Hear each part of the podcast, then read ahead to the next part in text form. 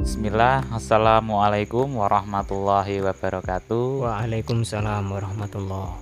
Jumpa lagi di podcast kita yang ketiga Takwa Talks Obrolan ringan menambah ketakwaan Eh, Enaknya ini di sesi ketiga ini membahas apa ya Tat? Kita episode ya, jangan Episode, sesi oh ya. bahasanya kalau sesi itu. episode 3 Episode ini ketiga kita bahas Takwa 101, 101. Wah 101 Maksud dari 101 itu apa Tat? Ya, 101 101 itu 101 kalau di kuliah di luar negeri itu dipakai untuk kuliah materi dasar. Ya. Jadi kan karena kebetulan kita podcast ini namanya Takwa Talks ya, pembicaraan masalah takwa gitu ya. Kan kayaknya nggak pas atau kurang ada yang kurang lah kalau kita nggak bahas tentang kuliah dasar ketakwaan itu sendiri kan.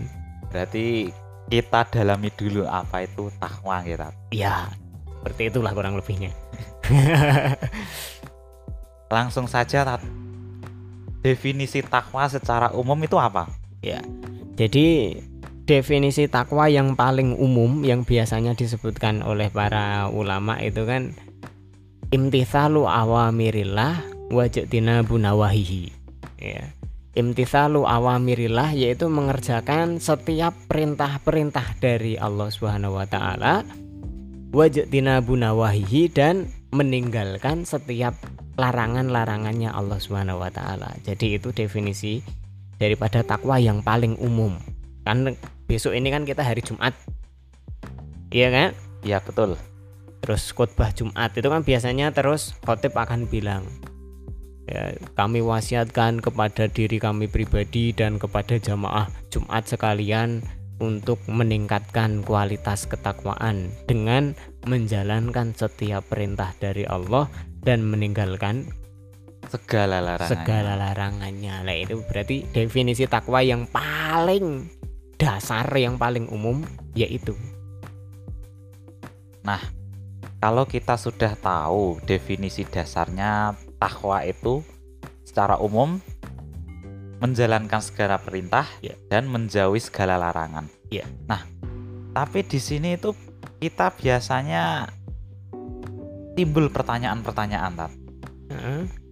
Contohnya saja, apa sih yang biasanya kita lakukan agar takwa sendiri itu bisa terdefinisi secara mendalam? Mungkin ada sebuah penjelasan tersendiri di dalam Al-Quran ataupun As-Sunnah. Jadi takwa itu tadi definisi itu tadi definisi yang umum ya. Ya, Bahkan bisa umum. dibilang definisi yang sangat mencakup semuanya. Karena saking cakupan yang luas itu kan sampai orang itu kadang bingung. Ya, misalkan ini contoh. Tadi kan dikatakan takwa itu menjalankan semua perintah. Padahal perintah Allah itu banyak. Ya. Dan di antara perintah-perintah itu kadang ada perintah yang wajib, ada perintah yang sunnah. Iya kan? Yang wajib itu kalau dilakukan mendapatkan pahala, kalau ditinggal dosa. Kalau sunnah dilakukan berpahala, ditinggal nggak apa-apa. Iya kan biasanya kan gitu. Lah ini menjalankan semua perintah berarti kan yang wajib dan yang sunnah semuanya atau gimana? Loh, itu kan orang jadi bingung. Kemudian termasuk juga men- meninggalkan semua larangan. Padahal larangan Allah itu kan nggak semuanya haram. Ada juga yang terlarang tapi nggak sampai haram. Apa istilahnya? Mubah. Eh, mubah. Makruh, makruh. Ya, makro. Ya, kalau mubah itu boleh dilakukan, boleh diting Boleh ditinggalkan. Ya, ada yang makro. Makro itu ditinggalkan lebih baik mendapatkan pahala kalau dilakukan tidak Tidak apa-apa kan gitu. Nah, ini kan semuanya ada perintah dan larangan dari Allah Subhanahu wa taala. Jadi yang dilakukan ini gimana? Kalau orang mau jadi orang yang bertakwa. Ya. Jadi sebenarnya takwa itu kan berlevel. Iya kan? Takwa itu berlevel. Ada kalanya orang itu takwanya sampai pada titik melakukan yang wajib dan meninggalkan yang haram. Ya, yang sunnah belum. yang makruh masih dilakukan Eh, ini malah contoh seperti ini banyak loh di masyarakat kita ya jadi kalau dikasih tahu oh pak ini sunnah loh pak walah sunnah sunnah kan berarti nggak wajib ya akhirnya tidak dilakukan ya ketika sesuatu hal loh pak ini makruh loh pak. Alah cuma makruh akhirnya tetap di dilakukan. ya, padahal kan sunnah itu perintah makruh itu juga sebuah lah larangan. Tapi ada level yang seperti itu ada. Dari masyarakat kita kita akan ketemu hal orang-orang yang seperti itu tuh banyak sekali. Tapi ya nggak masalah. Nggak masalah. Karena memang kadar ketakwaan di satu level ya harus itu. Yang penting dia mau melakukan yang wajib dan meninggalkan yang haram. Ya mungkin ada pertanyaan ini dari listener dari para pendengar ya. Kayak gitu zaman Nabi ada nggak sih? Punya pertanyaan sama seperti itu? Orang yang cuma mau yang wajib dan yang meninggalkan yang haram aja tapi sunnah sama makruh dan lain-lain itu nggak peduli. Ada pertanyaan seperti itu? Banyak. Nah jawabannya mau tahu jawabannya apa tat? Ada. Jadi zaman Nabi juga ada orang model seperti itu. Siapa itu tat? Nah kalau siapanya nggak disebut. Ya nggak disebut namanya. Cuman disebutkan dalam hadis ada seorang laki-laki datang kepada Nabi SAW bertanya kepada Nabi. Pertanyaannya gini ya Rasulullah Idza sholaitul maktubat wa sumtu Ramadan wa ahlaltul halal wa haramtul haram wa lam azid ala dzalika syai'a a'adkhulul jannah ya Ya Rasulullah, idza sholaitul maktubat, kalau aku sholat sholat yang wajib. Sholat yang wajib berarti sholat lima waktu aja, duhur, asar, maghrib, isya, subuh. Ya, kalau laki-laki berarti ditambah sama sholat Jumat. Ingat sholat Jumat itu wajib ya. Besok ada yang nggak hadir sholat Jumat karena menganggap sunnah ini keliru ya.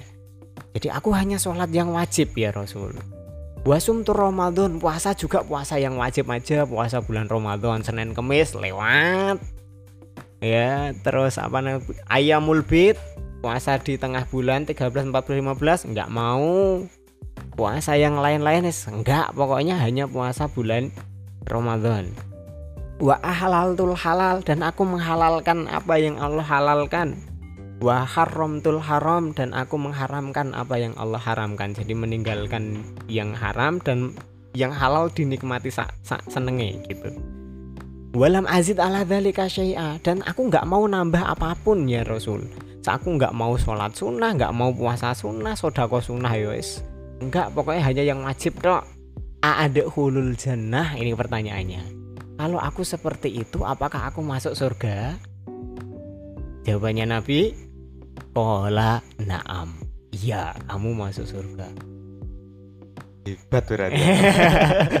Jadi definisi takwa level takwa yang hanya melakukan yang wajib dan meninggalkan yang haram itu yuk sudah termasuk level daripada ketak ketakwaan. Jadi kalau ada orang yang seperti itu di masyarakat kita, kita nggak perlu kemudian wah kamu ini agamamu jelek, jangan karena ketika ada sahabat yang tanya seperti itu kepada Nabi, jawabannya Nabi ya dia akan masuk surga kok. Masa kita mau bilang agamanya jelek? Kadang kan kita malah punya istilah yang lain. Istilahnya misal, walah wong iku Islam KTP gitu kan.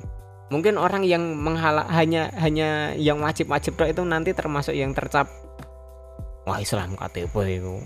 Sholat yang wajib-wajib dok eh, iya kan? Jadi nggak nggak seperti itu.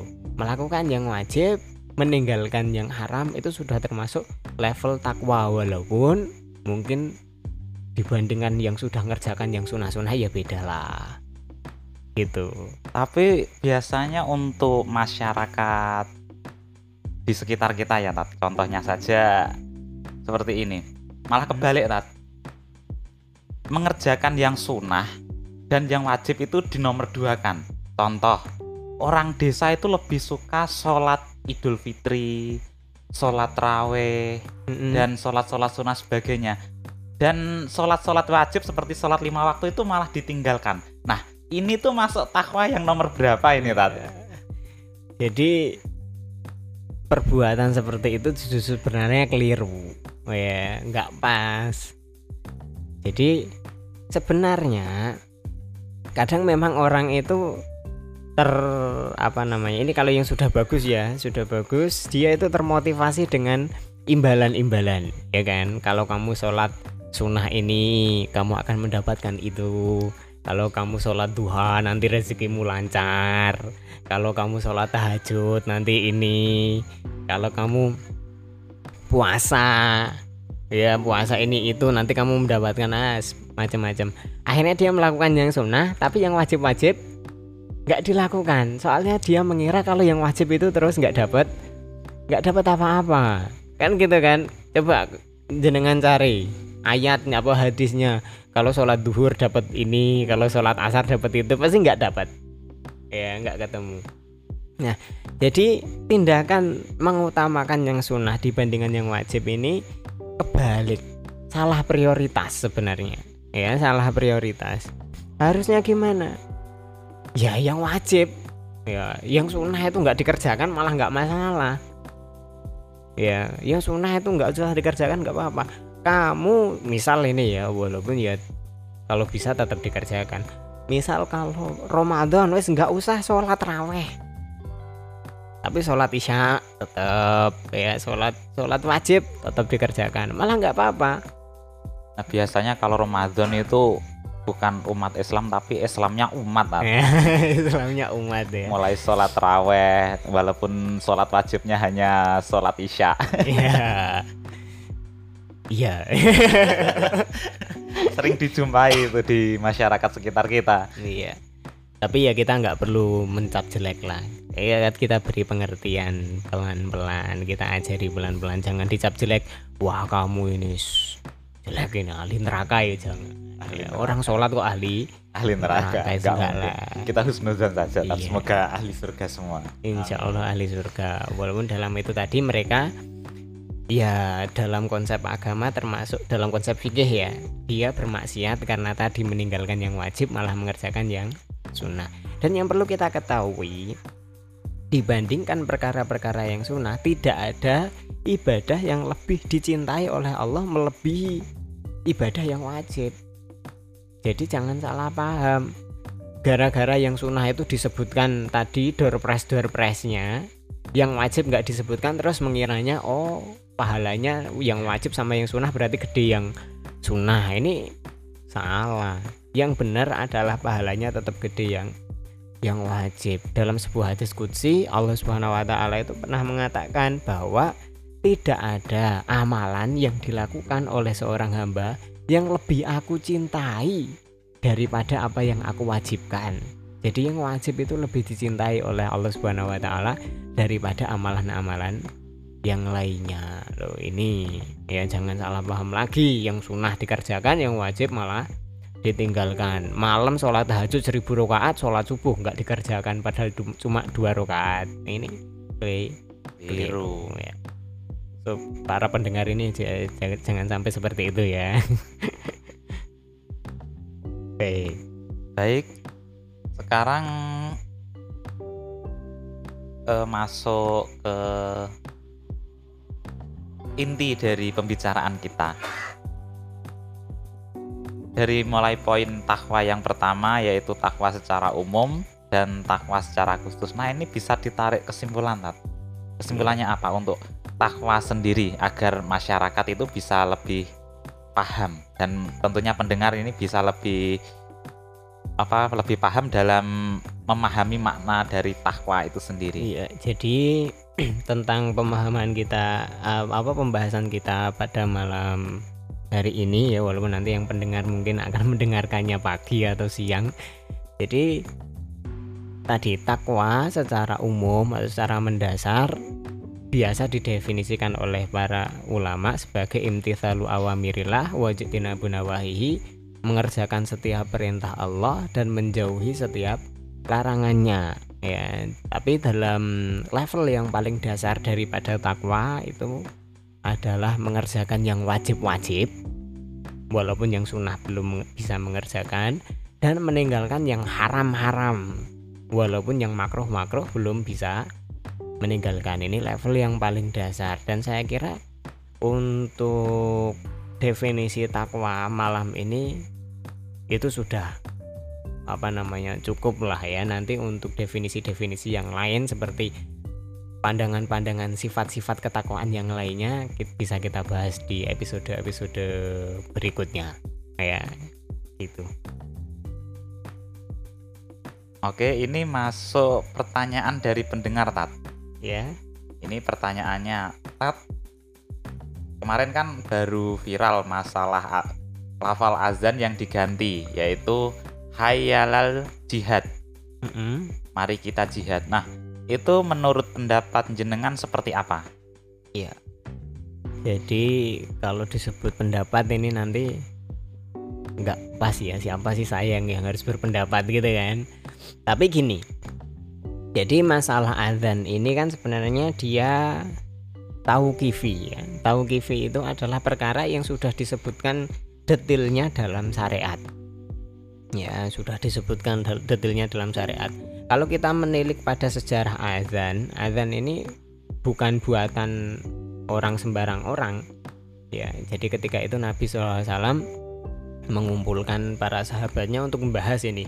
Ini gimana caranya kita mengumpulkan orang untuk so sholat panggilan sholat?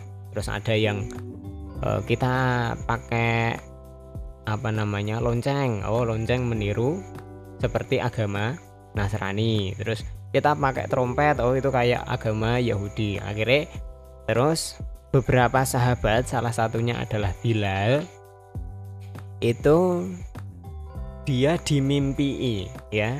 Umar bin Khattab juga. Jadi di dalam mimpi dia mendengar orang menyeru dengan seruan-seruan azan ini. Allahu Akbar Allahu Akbar Allahu Akbar Allahu Akbar dan seterusnya sampai selesai ya. Kemudian pagi harinya dilaporkan kepada Nabi. Akhirnya Nabi SAW memanggil Bilal Bilal kamu bacakan bacaan ini. Ini sebagai tanda untuk masuknya waktu sholat. Jadi bacaan-bacaan azan itu sudah ditentukan. Ya dan sepanjang hidupnya Nabi SAW dan bahkan sepanjang sejarah umat Islam ya azan ya bunyinya seperti itu nggak ada perubahan di dalamnya. Jadi kemudian dibuatlah oleh para ulama bahwa ya itulah azan ya itulah azan kalau itu dirubah maka azannya tidak tidak sah. Ya tidak sah. Jangankan dirubah. Ya ada kasus yang dibahas di dalam kitab-kitab fikih itu ah, gimana kalau misal azannya tidak urut ya misal asyhadu anna muhammad rasulullah dulu baru asyhadu alla ilaha illallah ya dirubah seperti itu. Itu enggak sah azannya hayya ala sholah hayya alal falah kan urutannya gitu kan? Sekarang dirubah jadi hayya alal falah dulu baru hayya alas sholah. Ya itu dibahas oleh ulama. Ternyata seperti itu juga tidak tidak sah. Ya terus dirubah kata-katanya yang tapi maknanya mirip ya tapi maknanya mirip contoh asolatu khairum minan naum. Diganti menjadi asolatu khairum minar rukut. Ya rukud sama naum itu artinya sama. Jadi yaitu tidur. tidur ya. Sama-sama tidur. Tapi naum diganti sama rukut itu nggak boleh. Tidak sah adanya kalau seperti itu. Ya asolatu khairum minar rukud Nah, itu ya nggak sah. Atau adanya sama pakai asolatu khairum minan naum. Tapi mungkin karena ada orang yang wah orang sekarang ini gara-gara pandemi mereka itu dikit-dikit tidur gitu kan. Akhirnya sholat duhur adanya pakai asolatu khairum minan naum. Asar pakai asolatu khairum minan naum. Nanti maghrib oh orang pada tidur lagi asolatu khairum minan naum. Ini kaum rebahan tersindir nih Tat. terus ini karena sekarang musim hujan gitu kan setelah maghrib tidur lagi gitu kan. Akhirnya azan isya juga pakai asolatu khairum minan naum. Itu juga ternyata nggak boleh. Yang pakai asolatu khairum minan naum ya cuma azan Subuh. azan subuh ya jadi jangankan diganti dari hayya ala sholah menjadi hayya alal jihad. Ya ini terlalu jauh. Yang sama-sama asolatu khairum minan naum sama rukut tadi aja nggak bo nggak boleh ya. Tidak sah. Dan dibuat-buat sendiri ditambah-tambah itu juga nggak boleh. Jadi masalah ini saya kira ya itu mungkin orang cari sensasi. Ya kan orang cari sensasi kita nggak perlulah terprovokasi macam-macam. Wah ini seperti ini atau apalah nggak. Itu orang iseng orang cari sensasi yang justru sebenarnya memang pengen memicu apa namanya kericuhan. Jadi kita jangan sampai ter terpancing dengan dengan hal yang seperti itu. Sebenarnya hal seperti itu sudah pernah tak terjadi. Mm-mm. itu saya pernah dengar di salah satu radio di salah satu majelis taklim waktu itu juga ada tausiah tentang azan katanya ini katanya Iya. di ustadz salah satu ustadz tadi itu dulu di Mekah dan Madinah itu kan jarang hujan Mm-mm. sekali hujan hujannya pasti lebat kecampur angin Mm-mm. Nah, di sana katanya itu eh, mengganti lafal hayal al menjadi sholah fi buyutikum. Mm-mm. Sholatlah di rumah kalian masing-masing. Mm-mm. Itu emang ada kisah seperti itu atau ini hanya sebuah sensasi yang kita alami saat ini, Tat? Baik, jadi masalah asolatu fi buyutikum itu memang ada. Ya, asolatu fi buyutikum atau asolatu fi rihalikum. Ya, itu memang memang ada, ada hadisnya dan sahih ya. Jadi kalau itu memang jelas ada perubahan lafaz itu pun ada di zaman ada di zaman Nabi. Ya kan? Jadi dilakukan di hadapan Nabi dan Nabi membe Membenarkan. membenarkan. Nah, lain halnya dengan sekarang. Ini Nabi SAW sudah wafat. Terus tiba-tiba orang mau rubah diganti, ya kan? Iya nggak boleh lah. Beda kasus. Berarti beda kasus yang waktu. ini memang terjadi dan dibenarkan, nggih. Mm-mm. Tapi ya kalau di Indonesia nggak usah hujan-hujan dikit terus langsung asolatu firi halikum gitu kan? Sholat fi buyutikum gitu. Iya. Sholat di rumah masing-masing. Oh, nanti gara-gara gara-gara disuruh ibadah di rumah aja akhirnya azan di masjid-masjid pakai kayak gitu ya nggak juga lah. Nggak hujan aja nggak ke masjid, toh, Tat. Eh, iya. Betul sekali. Nah ini eh, ada pertanyaan lagi Tat Mm-mm. dari pendengar. Assalamualaikum Ustadz. Ini saya mau bertanya mengenai enam anggota FPI yang dieksekusi oleh polisi. Ini hukumnya bagaimana Tat? Apa dibenarkan? Apa hukumnya salah mutlak atau 50-50? Mohon penjelasannya Tat. Iya. Jadi masalah ada enam anggota FPI yang bukan dieksekusi ya. Dieksekusi itu kalau orangnya ketahuan salah kan. Berarti apa kata, kata yang enak gitu? tertembak, Tertembak, eh, ditembak, oleh ditembak oleh polisi, kepolisian. polisi. Nah, kalau eksekusi itu kan misal teroris sudah ketahuan salah, sudah divonis sama pengadilan, terus akhirnya dipanggil, ya dijatuhi hukuman mati lah, ditembak oleh tim penembak jitu lah itu baru namanya diekse dieksekusi. Wong ini nggak nggak ketahuan ini apakah tersangka apa juga enggak kan? Apa salah apa coba? Nggak tahu salahnya di Eh, mana ya ya. kan artinya tidak melalui proses pengadilan terus tertembak dalam insiden itu kan gitu ya jadi eh, kalau menanggapi masalah itu sebenarnya saya lebih condong dengan yang disampaikan oleh ya para para ahli hukum para pejuang ham dan juga ustadz-ustadz kabir yang lainnya ya. Jadi kita mendukung untuk dibentuknya tim pencari fakta ya, yang independen, yang dipercaya oleh masyarakat, dipercaya oleh kepolisian, dipercaya oleh semuanya untuk eh, biar masalah ini, tuh jelas. Karena yang terjadi hari ini kan kepolisian mengadakan konferensi pers mengatakan A, terus orang-orang yang di FPI juga mengadakan konferensi pers mengatakan B yang mana A dan B ini ber berlawanan. Jadi sebelum kita membahas ini nanti seperti apa ya kita bersikap apa itu kita harus jelaskan dulu ini yang benar versi yang benar itu yang mana yang A atau yang, B. ya jadi kita dukung untuk diadakannya apa namanya dibentuknya tim pencari fakta yang independen yang terbuka yang eh, dipercaya bisa me- menjelaskan masalah ini dengan lebih sejelas-jelasnya. Nah itu. Kemudian masalah eh, penembakan ini. Anggaplah misal anggaplah memang kejadiannya s- seperti apa yang disampaikan oleh kepolisian bahwa ini eh, orangnya melawan dan lain sebagainya akhirnya ditembak mati ya. Kalau di dalam Islam ya masalah nyawa ini kan sebenarnya masalah yang berat ya masalah yang berat masalah yang rumit. Nggak semua nggak sembarangan gitu loh. Apa namanya? Dalam masalah nyawa itu pokoknya kalau salah langsung dibunuh kalau salah langsung dihilangkan nyawa ini kan nggak nggak bisa seperti itu kan.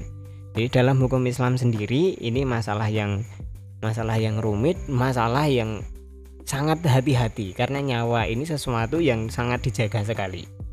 Ya dalam syariat itu ada istilah makosidus syariah. Ya makosidus syariah salah satu daripada tujuan dibentuknya atau tujuan dibuatnya syariat itu adalah salah satunya adalah hifdun nafs yaitu menjaga jiwa manusia.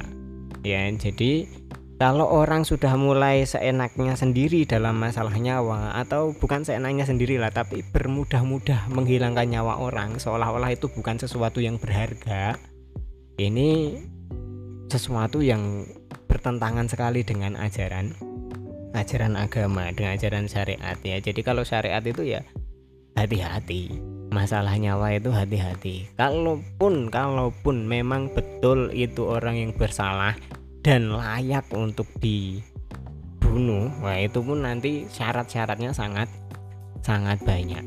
Ya jadi syariat tidak tidak menutup mata tentang adanya kriminal-kriminal yang harus dihabisi nyawanya gitu loh. Tapi juga tidak kemudian seenaknya sendiri gitu loh ya misal contoh coba Mas Wisnu ini. Wah, hukum dalam syariat yang pakai sampai pembunuhan itu apa aja? Yang pertama zina, dirajam, zina dirajam. Membunuh, membunuh di kisos dikisos. ya Tahu saya cuma itu ya, Tat. wah. Ya ya yang paling sangat apa namanya diketahui hampir semua orang yaitu ya kan zina muhson itu dirajam. Dan ada kisos untuk pembu pembunuhan. Ya kalau kita lihat itu di situ kisos untuk kasus pembunuhan. Kenapa kok sampai membunuh apa namanya di situ nyawa dibales nyawa?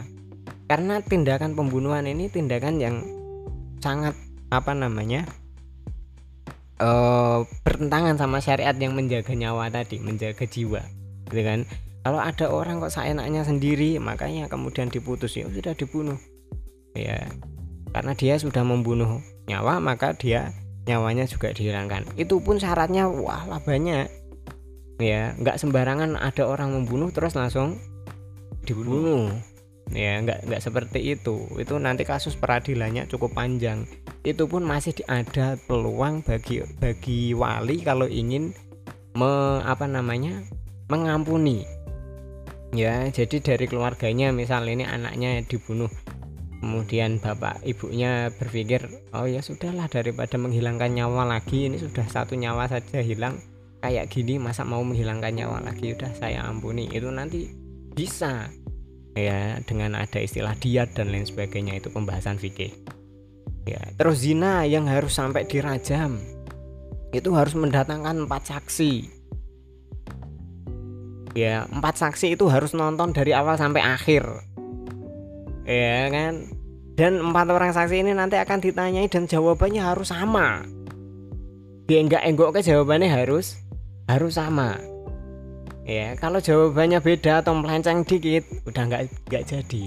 Kenapa kok harus empat saksi ini mendatangkan empat saksi dan empat saksi harus melihat dari awal sampai akhir loh? Proses perzinahan itu. Ya kan? Kenapa? Itu sebenarnya adalah agar orang itu nggak seenaknya sendiri. Gitu loh. Nggak seenaknya sendiri. Wah aku ben- benci dengan orang itu. Wah tak gawe kasus ya. Dia sudah berzina ya kan ben jatuh kena hukum rajam. Oh nggak bisa seperti itu. Ya kan? Soalnya ini urusan nyawa maka dipersulit oleh syariat. Ya jadi hukum zina yang bisa sampai jatuh pada rajam itu walah ruwetnya gitu loh. Ya ini menunjukkan bahwa syariat kita itu dalam masalah nyawa ini memang perhatiannya sangat ya sangat begitu Mendetail. kuat. Iya jangan sampai orang itu seenaknya sendiri masalah masalah nyawa. Baik bahkan sekalipun orang yang berwenang sekalipun. Ya karena kita kita tidak kita bukan bukannya kemudian nyalahkan kepolisian atau apa ya bukan. Tapi eh, tindakan kesewenang-wenangan itu memang lahir dari orang yang ber berwenang ya enggak? Kalau nggak punya wewenang nggak mungkin bisa sewenang nah menang. Jadi apa namanya ini sebuah nasihat lah agar kita itu jangan sampai sewenang-wenang. Walaupun ini bukan berarti saya mengatakan polisi ini sudah sudah sewenang-wenang itu tidak, tidak. Sekali lagi kita mendukung untuk diadakannya tim pencari fakta yang independen yang bisa dipercaya oleh semuanya yang itu nanti bisa membuka kabut gelap ini ya karena semuanya tahu ini kabut gelap ini nggak jelas ya dari dua dua pihak ini yang berseteru kita sama- sama-sama nggak tahu siapa yang benar atau siapa yang memfitnah atau yang lain sebagainya. Jadi itu yang lebih penting saya kira. Ini berarti tindakan dari pihak kepolisian juga teramat sangat disayangkan Getat soalnya belum ada fakta yang real sudah melakukan tindakan yang kita anggap itu di luar kemanusiaan ya kita cari faktanya aja dulu. Iya kan? Karena kalau bilang itu nanti apa namanya eh apa namanya tadi? Eh, dia sudah kebablasan dan sebagainya ya kita karena kita nggak tahu faktanya jadi kita nggak bisa komentari terlalu dalam. Tapi memang ya kadang kalau kalau netizen netizen itu saya saya lihat ya banyak sih celotehan celotehan seperti itu. Itu yang korupsi aja nggak ada yang ditembak mati asal di tempat gitu kan. Ini kok nggak salah apa apa kok ditembak mati ya. Kita cari faktanya aja kita tunggu faktanya yang nanti apa istilahnya truth will comes light gitu ya. Artinya apa itu Tat? nggak nggak paham saya. kebenaran. Kebenaran itu nanti akan nampak dengan sendirinya gitu kan. Ya jadi kita tunggu fakta yang akan terbongkar di kemudian hari. Nanti baru kita bisa komentari itu lebih eh, dalam. Yang penting jangan asal memvonis ya Tat. Iya. Oke, untuk obrolan kita pada podcast ketiga ini lumayan luar biasa. Mulai dari pembahasan takwa, ada dua pertanyaan tadi yang masuk, eh, mulai dari penggantian lafal azan dan yang sedang trending ini terbunuhnya 6 anggota FPI. Iya. Oke, untuk pendengar bisa request pertanyaan atau titip pertanyaan lewat kontak person kami di 082 221 616 atau lewat FB Wisnu Chandra Nugraha. Ya, ini ini nanti bisa titip pertanyaan atau request tema. Nanti kita akan bahas di podcast kita Takwa Talks obrolan ringan menambah, ketakwaan. Oke, kita tutup kita. ya Sekian dari kami, kurang lebihnya mohon maaf.